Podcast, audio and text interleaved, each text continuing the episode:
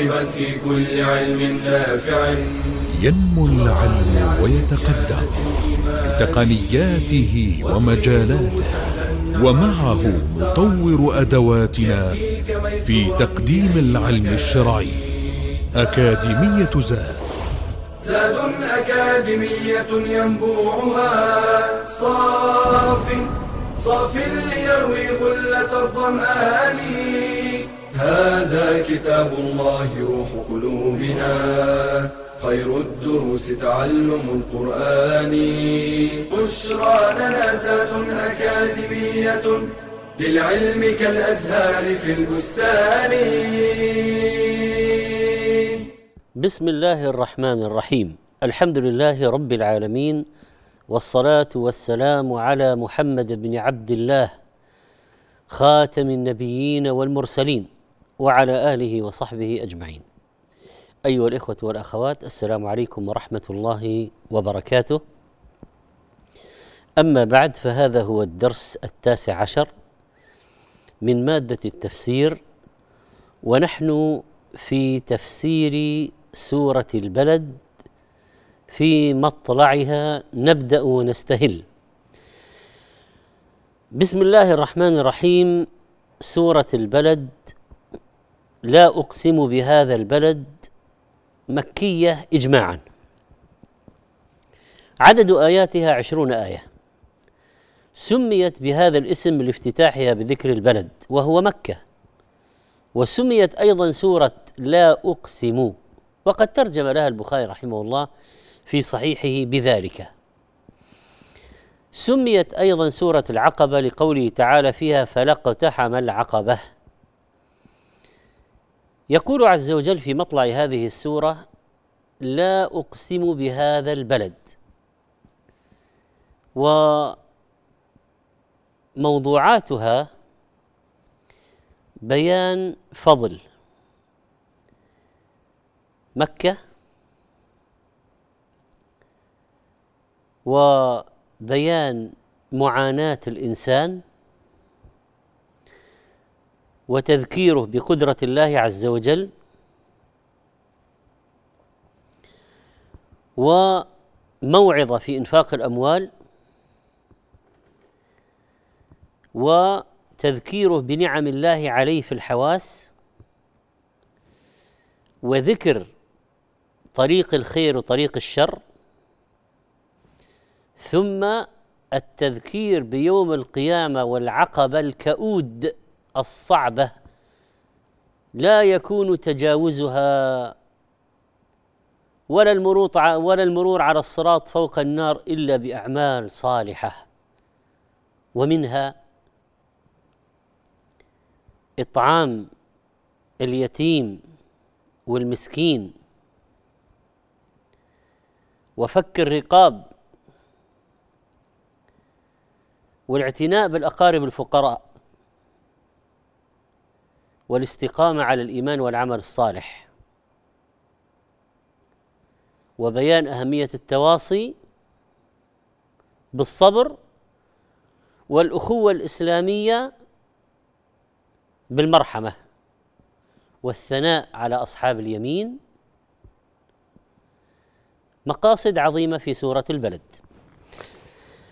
لا أقسم بهذا البلد أقسم تعالى بمكة البلد الأمين أم القرى خير بقاع الأرض خاصة في وقت حلول رسول الله صلى الله عليه وسلم فيها لأن السورة مكية.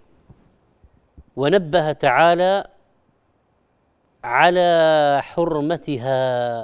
آه، يقول ابن القيم رحمه الله فأقسم ببلده المشتمل على رسوله وعبده صلى الله عليه وسلم فهو خير البقاع. وقد اشتمل على خير العباد. يعني فلنتصور أن النبي عليه الصلاة والسلام في مكة أعظم البشر في أعظم القرى وأحب البقاع إلى الله. وتقول هذه السورة في مطلعها لا أقسم بهذا البلد وأنت حل بهذا البلد. فجعل بيته هدى للناس ونبيه صلى الله عليه وسلم إماما لهم. وهذا من أعظم نعم الله علينا كما هو من أعظم آياته ودلائل وحدانيته وربوبيته. فمن اعتبر حال بيته وحال نبيه وجد ذلك من أظهر أدلة التوحيد. فهذا القسم متضمن لتعظيم بيته ورسوله صلى الله عليه وسلم. أه، أقسم الله تعالى بمكة أيضا في قوله وهذا البلد الأمين في سورة التين. والشيء بالشيء يذكر. ومن الأمور المهمة في مادة التفسير جمع الآيات المتشابهة والمقارنة بينها والقرآن يفسر بعضه بعضا ويشبه بعضه بعضا متشابها. لا أقسم معناها أقسم. اذا هذه لا ليست نافية لكنها للتوكيد. ولذلك لابد أن يتحرر طالب العلم. وعندما يدخل في مادة التفسير مثلا من المعنى الواحد للحرف من حروف اللغة. ويتذكر أن الحرف حروف اللغة قد يكون له عدة معاني.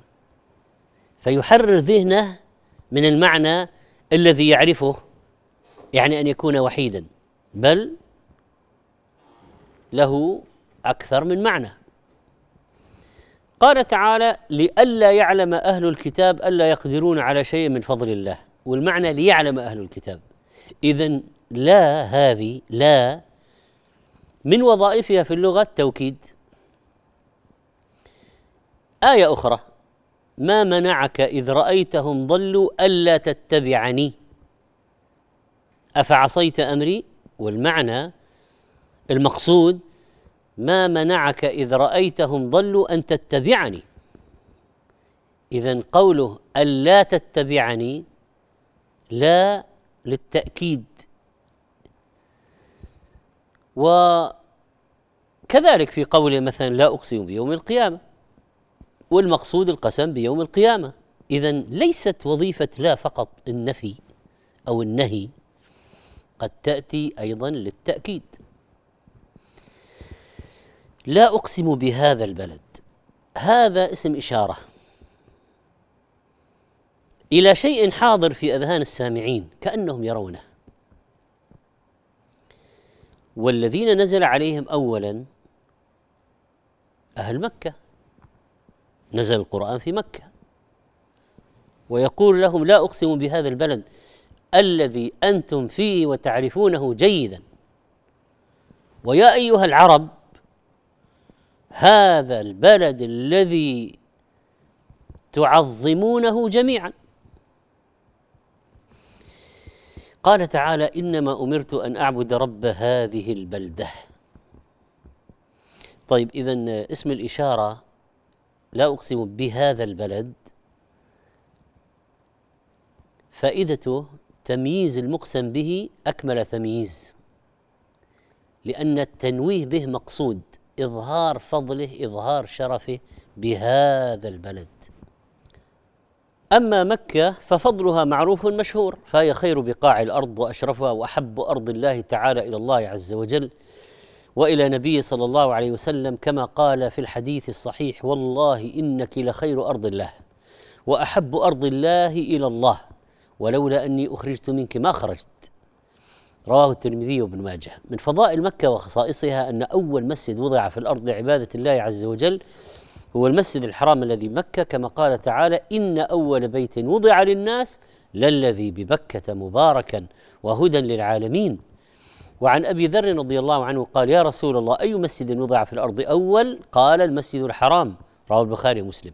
من فضائلها أن مهبط الوحي واختار الله منها أفضل رسله صلى الله عليه وسلم واختارها لوحيه ونزول كتابه الذي هو أفضل كتبه. فيها مولد النبي عليه الصلاة والسلام وفيها مبعثه الشريف منها بدأت الدعوة وبها كان ابتداء ظهور الدين. فهي أول بقعة من بقاع الأرض ظهر فيها توحيد الله عز وجل بعد ركام من الشرك ران على البشرية. ومن خصائص مكة أن الله تعالى شرفها جعلها قبلة لأهل العالم للعالم جميعا لأهل الأرض وليس على وجه الأرض قبلة غيرها فولي وجهك شطر المسجد الحرام وحيثما كنتم فولوا وجوهكم شطرة. من فضائلها أن الله جعلها مناسك لعباده وأوجب عليهم الإتيان إليها من القرب والبعد ومن كل فج عميق. ولا يدخلون إلا متواضعين متخشعين متذللين. كاشفي رؤوسهم هؤلاء الرجال ومتجردين عن لباس أهل الدنيا. إنها مناقب عظيمة لهذا البلد الشريف. نتابع معكم بمشيئة الله تفسير هذه السورة بعد الفاصل إن شاء الله. بشرى لنا أكاديمية للعلم كالأزهار في البستان.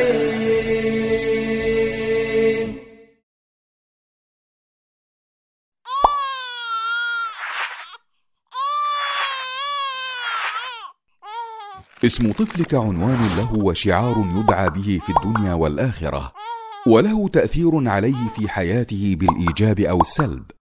هل تعلم أن طفلك بسبب اسمه قد يصاب بالانطوائية والخجل وكره الذات؟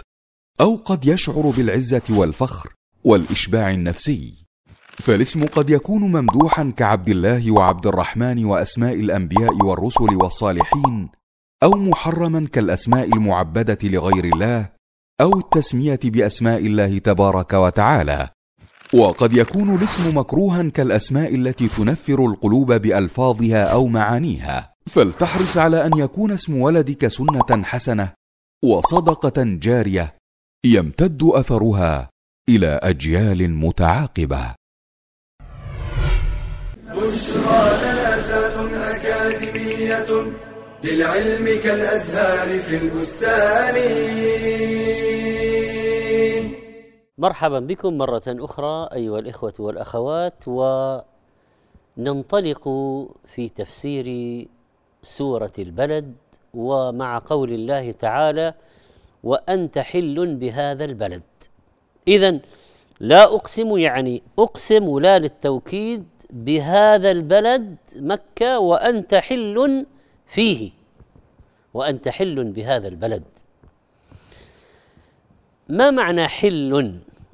هل معناها يعني حلال؟ يعني ضد الإحرام؟ تصنع فيه ما تريد؟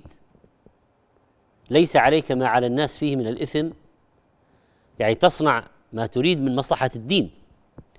ولا تقيد بما يقيد به غيرك؟ طبعا هذا حصل للنبي عليه الصلاة والسلام في فتح مكة ساعة من نهار. أحل الله تعالى لنبيه صلى الله عليه وسلم مكة يوم الفتح حتى قاتل وقتل. وفتح مكة وأمر بقتل ابن خطل وهو متعلق بأستار الكعبة. هذا من صناديد الكفرة ومقيس بن صبابة وغيرهما. فأحل دماء قوم وحرم دماء قوم. وقال عليه الصلاة والسلام يوم فتح مكة إن هذا البلد حرمه الله يوم خلق السماوات والأرض فهو حرام بحرمة الله إلى يوم القيامة وإنه لم يحل القتال فيه لأحد قبلي. ولم يحل لي إلا ساعة من نهار فهو حرام بحرمة الله إلى يوم القيامة. رواه البخاري ومسلم. في رواية فلم تحل لأحد قبلي ولا لأحد بعدي. رواه البخاري. وفي حديث آخر فإن أحد ترخص لقتال رسول الله صلى الله عليه وسلم فيها يعني يستدل فقولوا إن الله قد أذن لرسوله ولم يأذن لكم. وإنما أذن لي فيها ساعة من نهار. ثم عادت حرمتها اليوم كحرمتها بالأمس وليبلغ الشاهد الغائب. في الصحيحين. اذا لما أقسم الله بمكة دل ذلك على عظيم قدرها لأن الله لا يقسم إلا بعظيم. من مخلوقاته يقسم بما يشاء من مخلوقاته. فالسورة مكية فأقسم الله بمكة وشرفها وفضلها ووعد نبيه صلى الله عليه وسلم أن يحلها له ليفتحها. إذا هذه السورة مع كونها مبكرة جدا في مكة لكن كان فيها بشارة وإشارة بشارة وإشارة للنبي صلى الله عليه وسلم بأنه ستكون له حلالا وأنه سيفتحها. بهذا تكون الآية من دلائل النبوة وبشار النبي صلى الله عليه وسلم بالنصر على أعدائه. آه، السورة مكية نزلت قبل الفتح بسنوات طويلة والفتح في آخر الهجرة في رمضان سنة ثمان الهجرة. فوعد الله تعالى نبيه صلى الله عليه وسلم وهو بمكة من المستضعفين أن يفتحها على يديه وقد تحقق الوعد.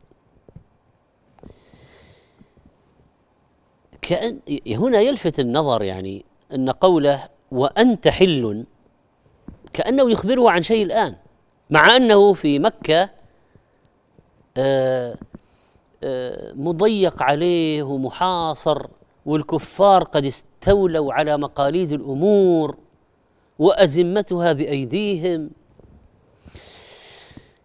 لكن لما لما لما تعرض بهذه الصيغة آه، كأنها الآن لتقريب البشارة وتحقق وقوعها. وانت حل كأنك الآن أنت الآن حلال. مع أنه بمكة آه، في في المرحلة المكية قبل الهجرة. كأن المستقبل عند الله كالحاضر في هذا المقام وأن وعده لا يتخلف. فاللفظ للحال والمعنى للاستقبال. فاللفظ للحال وأنت حل بهذا البلد والمعنى للاستقبال. كما قال تعالى إنك ميت وإنهم ميتون. خاطبه بهذا وهو حي لكن ما سيؤول إليه الأمر ما سيأتي. وهذه فيها موعظة. آه كرر قوله بهذا البلد. لا أقسم بهذا البلد وأنت حل بهذا البلد. يعني ما قال آه، لا أقسم بهذا البلد وأنت حل به. لتأكيد فتح البلد العزيز عليه. والإشادة بهذا البلد وشرفه. هل هناك أقوال أخرى في معنى وأنت حل؟ قال بعض المفسرين وأنت حل يعني وأنت حال نازل مقيم فيه. ولم يفرض عليه الإحرام ولم يؤذن له في القتال في ذلك الوقت. وحرمة مكة ثابتة حتى عند العرب حتى يعرفون في الجاهلية هذا. فكأنه تعالى عظم مكة من جهة أنه عليه الصلاة والسلام مقيم بها. لا أقسم بهذا البلد وأنت حل فيه وأنت حل بهذا البلد فالقسم بالبلد وبمن فيه وبحلول نبيه فيه. القسم بهذا البلد وبسكن نبيه فيه صلى الله عليه وسلم. وقيل لما أقسم الله تعالى بهذا البلد دل ذلك على غاية فضل هذا البلد. ثم قال وأنت حل بهذا البلد يعني وأنت من حل هذه البلده المعظمة وأهلها يعرفون أصلك ونسبك وصدقك وأمانتك وطهارتك وبراءتك من كل قبيح. كما قال تعالى هو الذي بعث في الأميين رسولا منهم. يعني يعرفونه جيدا. وقال لقد جاءكم رسول من أنفسكم. تعرفون نسبه. وقال فقد لبثت فيكم عمرا من قبله. وأنتم تعرفونني. تعرفون صدقي وأمانتي. جئتكم الآن بالقرآن. ما الجديد في آه، صفاتي وحالتي؟ فأنا صادق أمين من قبل ومن بعد. والآن جاءت النبوة. إذا آه وأنت حل بهذا البلد بيان شرف وعظمة منصب النبي صلى الله عليه وسلم بكونه من هذا البلد. ثم قال تعالى ووالد وما ولد. اذا هذا قسم أيضا ووالد أقسم بالوالد وما ولد. من هو الوالد؟ قيل هو آدم وما ولد ذريته لأن الله لما أقسم بأم القرى وهي المساكن أقسم بعدها بالساكن وهو آدم أبو البشر وولده. فتضمن القسم أصل المكان وأصل السكان. أم القرى وما هي هي أم القرى. وأصل السكان آدم عليه السلام. فمرجع البلاد إلى مكة ومرجع العباد إلى آدم. قال بعضهم هو إبراهيم وذريته. يعني ووالد وما ولد. وقيل غير ذلك. والصحيح كما رجح ابن جرير رحمه الله أنه عام في كل والد وكل مولود لأن حرمة الخلق كلهم داخلة في هذا الكلام.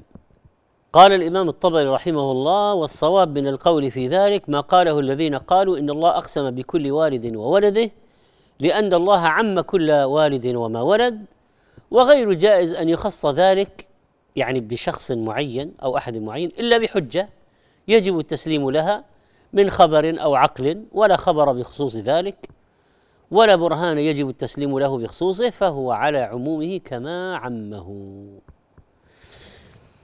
أيها الإخوة والأخوات سنعود إليكم إن شاء الله مرة أخرى بعد قليل لنواصل مسيرة التفسير.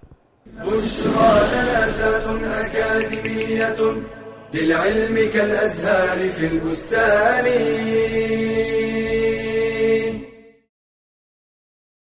روي أن مسروقا ادان دينا ثقيلا وكان على أخيه خيثمة دين فذهب مسروق فقضى دين خيثمة وهو لا يعلم. وذهب خيثمة فقضى دين مسروق وهو لا يعلم. إنه الإيثار أعلى منازل الكرم والسخاء وأسمى مراتب البذل والعطاء. خلق يبعث على المودة والرحمة ويدل على الصفاء والنقاء. امتدح الله به أصحاب نبيه صلى الله عليه وسلم من الأنصار فقال والذين تبوأوا الدار والإيمان من قبلهم يحبون من هاجر إليهم ولا يجدون في صدورهم حاجة مما أوتوا ويؤثرون على أنفسهم ولو كان بهم خصاصة. وللإيثار فوائد عظيمة وثمار جليلة منها انتشار التعاون والتعاضد بين المسلمين جلب البركة ونماء الخير وتحقيق الكفاية المادية في المجتمع كمال الإيمان وحسن الإسلام الوصول إلى محبة الله ورضوانه حصول الألفة والمحبة بين الناس البعد عن صفات الشح والاثره من علامات الرحمة التي توجب لصاحبها الجنة ويعتق بها من النار. فهنيئا لمن تزين بهذا الخلق الكريم وأصبح ممن قال الله فيهم ومن يوق شح نفسه فأولئك هم المفلحون. بشرى لنا زاد أكاديمية للعلم كالأزهار في البستان. الحمد لله وحياكم الله وننطلق أيضا مع جواب القسم في سورة البلد. لقد خلقنا الإنسان في كبد. اذا لا أقسم بهذا البلد وأنت حل بهذا البلد ووالد وما ولد لقد خلقنا الإنسان في كبد. هذا هو جواب القسم يعني المقسم عليه. فأقسم تعالى بمكة وحل النبي صلى الله عليه وسلم فيها وكل والد وما ولد أقسم على أن الإنسان في شدة ومشقة منذ ولادته إلى وفاته يكابد ويقاسي الشدائد في الدنيا منذ صرخة الوضع إلى سكرة الموت. وفي البرزخ ويوم يقوم الأشهاد الذي خلق الموت والحياة ليبلوكم أيكم أحسن عملا. مكابدة ومعاناة وكفاح وكدح. يا أيها الإنسان إنك كادح إلى ربك كدحا فملاقيه. ملاقي هذا الكدح والعمل وملاقي الله عز وجل. وينبغي على الإنسان أن يسعى لإراحة نفسه وهو يمر بدار الابتلاء وهذه الشدائد.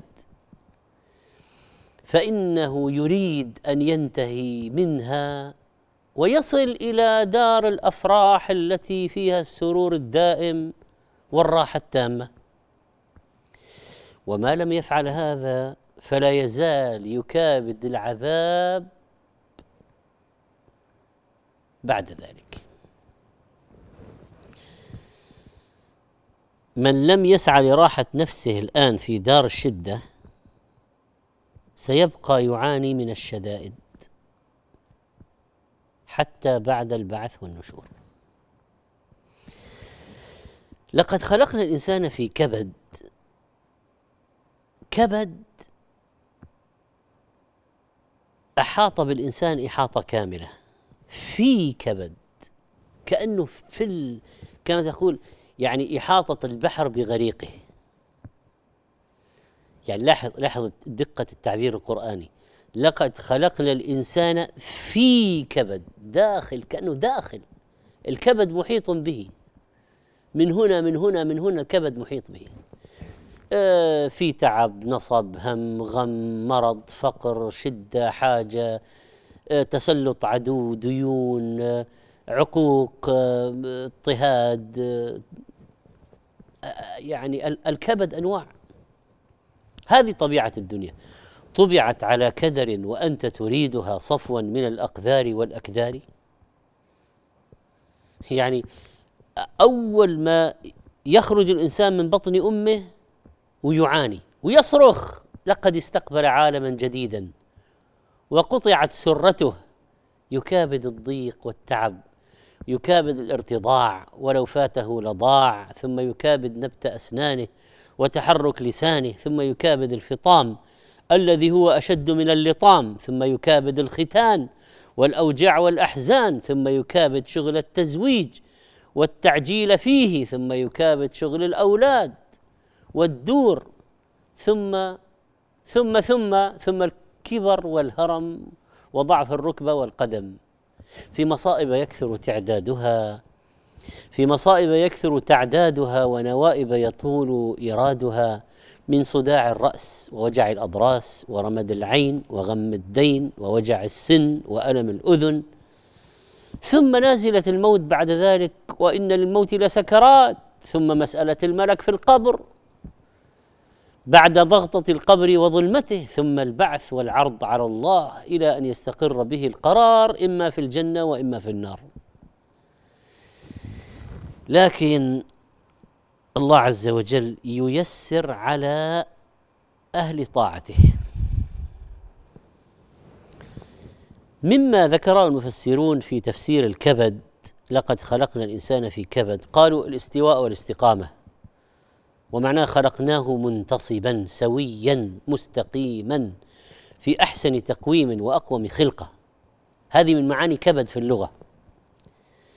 فيكون هذا كقوله تعالى لقد خلقنا الإنسان في أحسن تقويم فيكون هناك الآن آيات متشابهة ما بين سورة البلد وسورة التين. وكذلك تشبه أيضا الآية الأخرى يا أيها الإنسان ما غرك بربك الكريم الذي خلقك فسواك فعدلك. فاذا في كبد كقوله الذي خلقك فسواك فعدلك في أي صورة ما شاء ركبك. ويكون المعنى مع قوله تعالى بعده أيحسب أن لن يقدر عليه أحد؟ يعني مع هذا الخلق المستوي والقدرة والإمكانات وأن الله أقدره على التصرف والأعمال الشديدة. لا يشكر نعمة الله عليه بل يبطر بالعافية ويتجبر على الخالق. طيب الآن يعني آه، هناك أكثر من معنى. ما هي القاعدة في التفسير؟ أن الآية إذا كانت تحتمل معنيين صحيحين في اللغة ولا منافاة بينهما؟ ما في تعارض؟ فهي محمولة عليهما جميعا. فيكون المعنى لقد خلقنا الإنسان في أحسن تقويم سويا مستقيما يعاني مشاق الأمور. وهذه طبعا قاعدة مهمة لمن يدرس علم التفسير.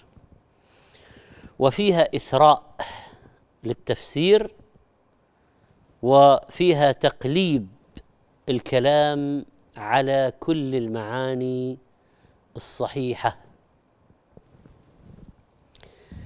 قال تعالى بعد ذلك أيحسب أن لن يقدر عليه أحد هذا الإنسان؟ أيحسب أن لن يقدر عليه أحد؟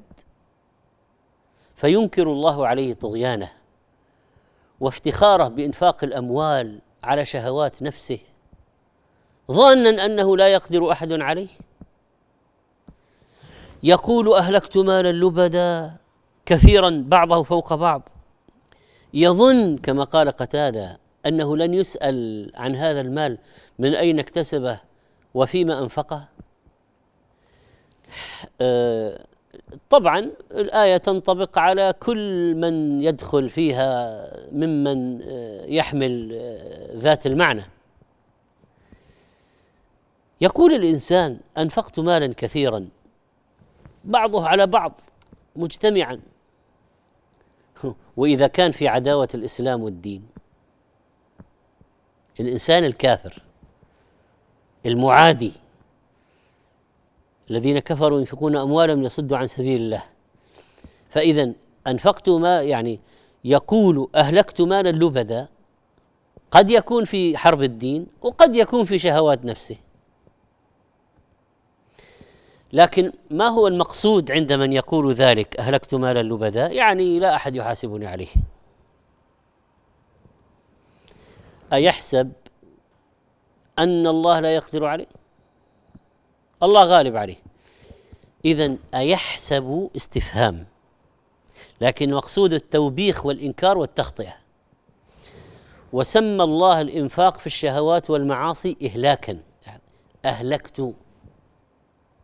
كأن المنفق ما انتفع بذلك. إما في حرب الدين فيكون وبالا عليه شديدا عظيما وإما أنفقه في أهوائه وشهواته فسيعود وبال ذلك عليه أيضا بالندم والخسار. لا كمن أنفق ماله في مرضاة الله وسبل الخير فيكون تاجر مع الله فهذا سيربح اضعافا مضاعفة.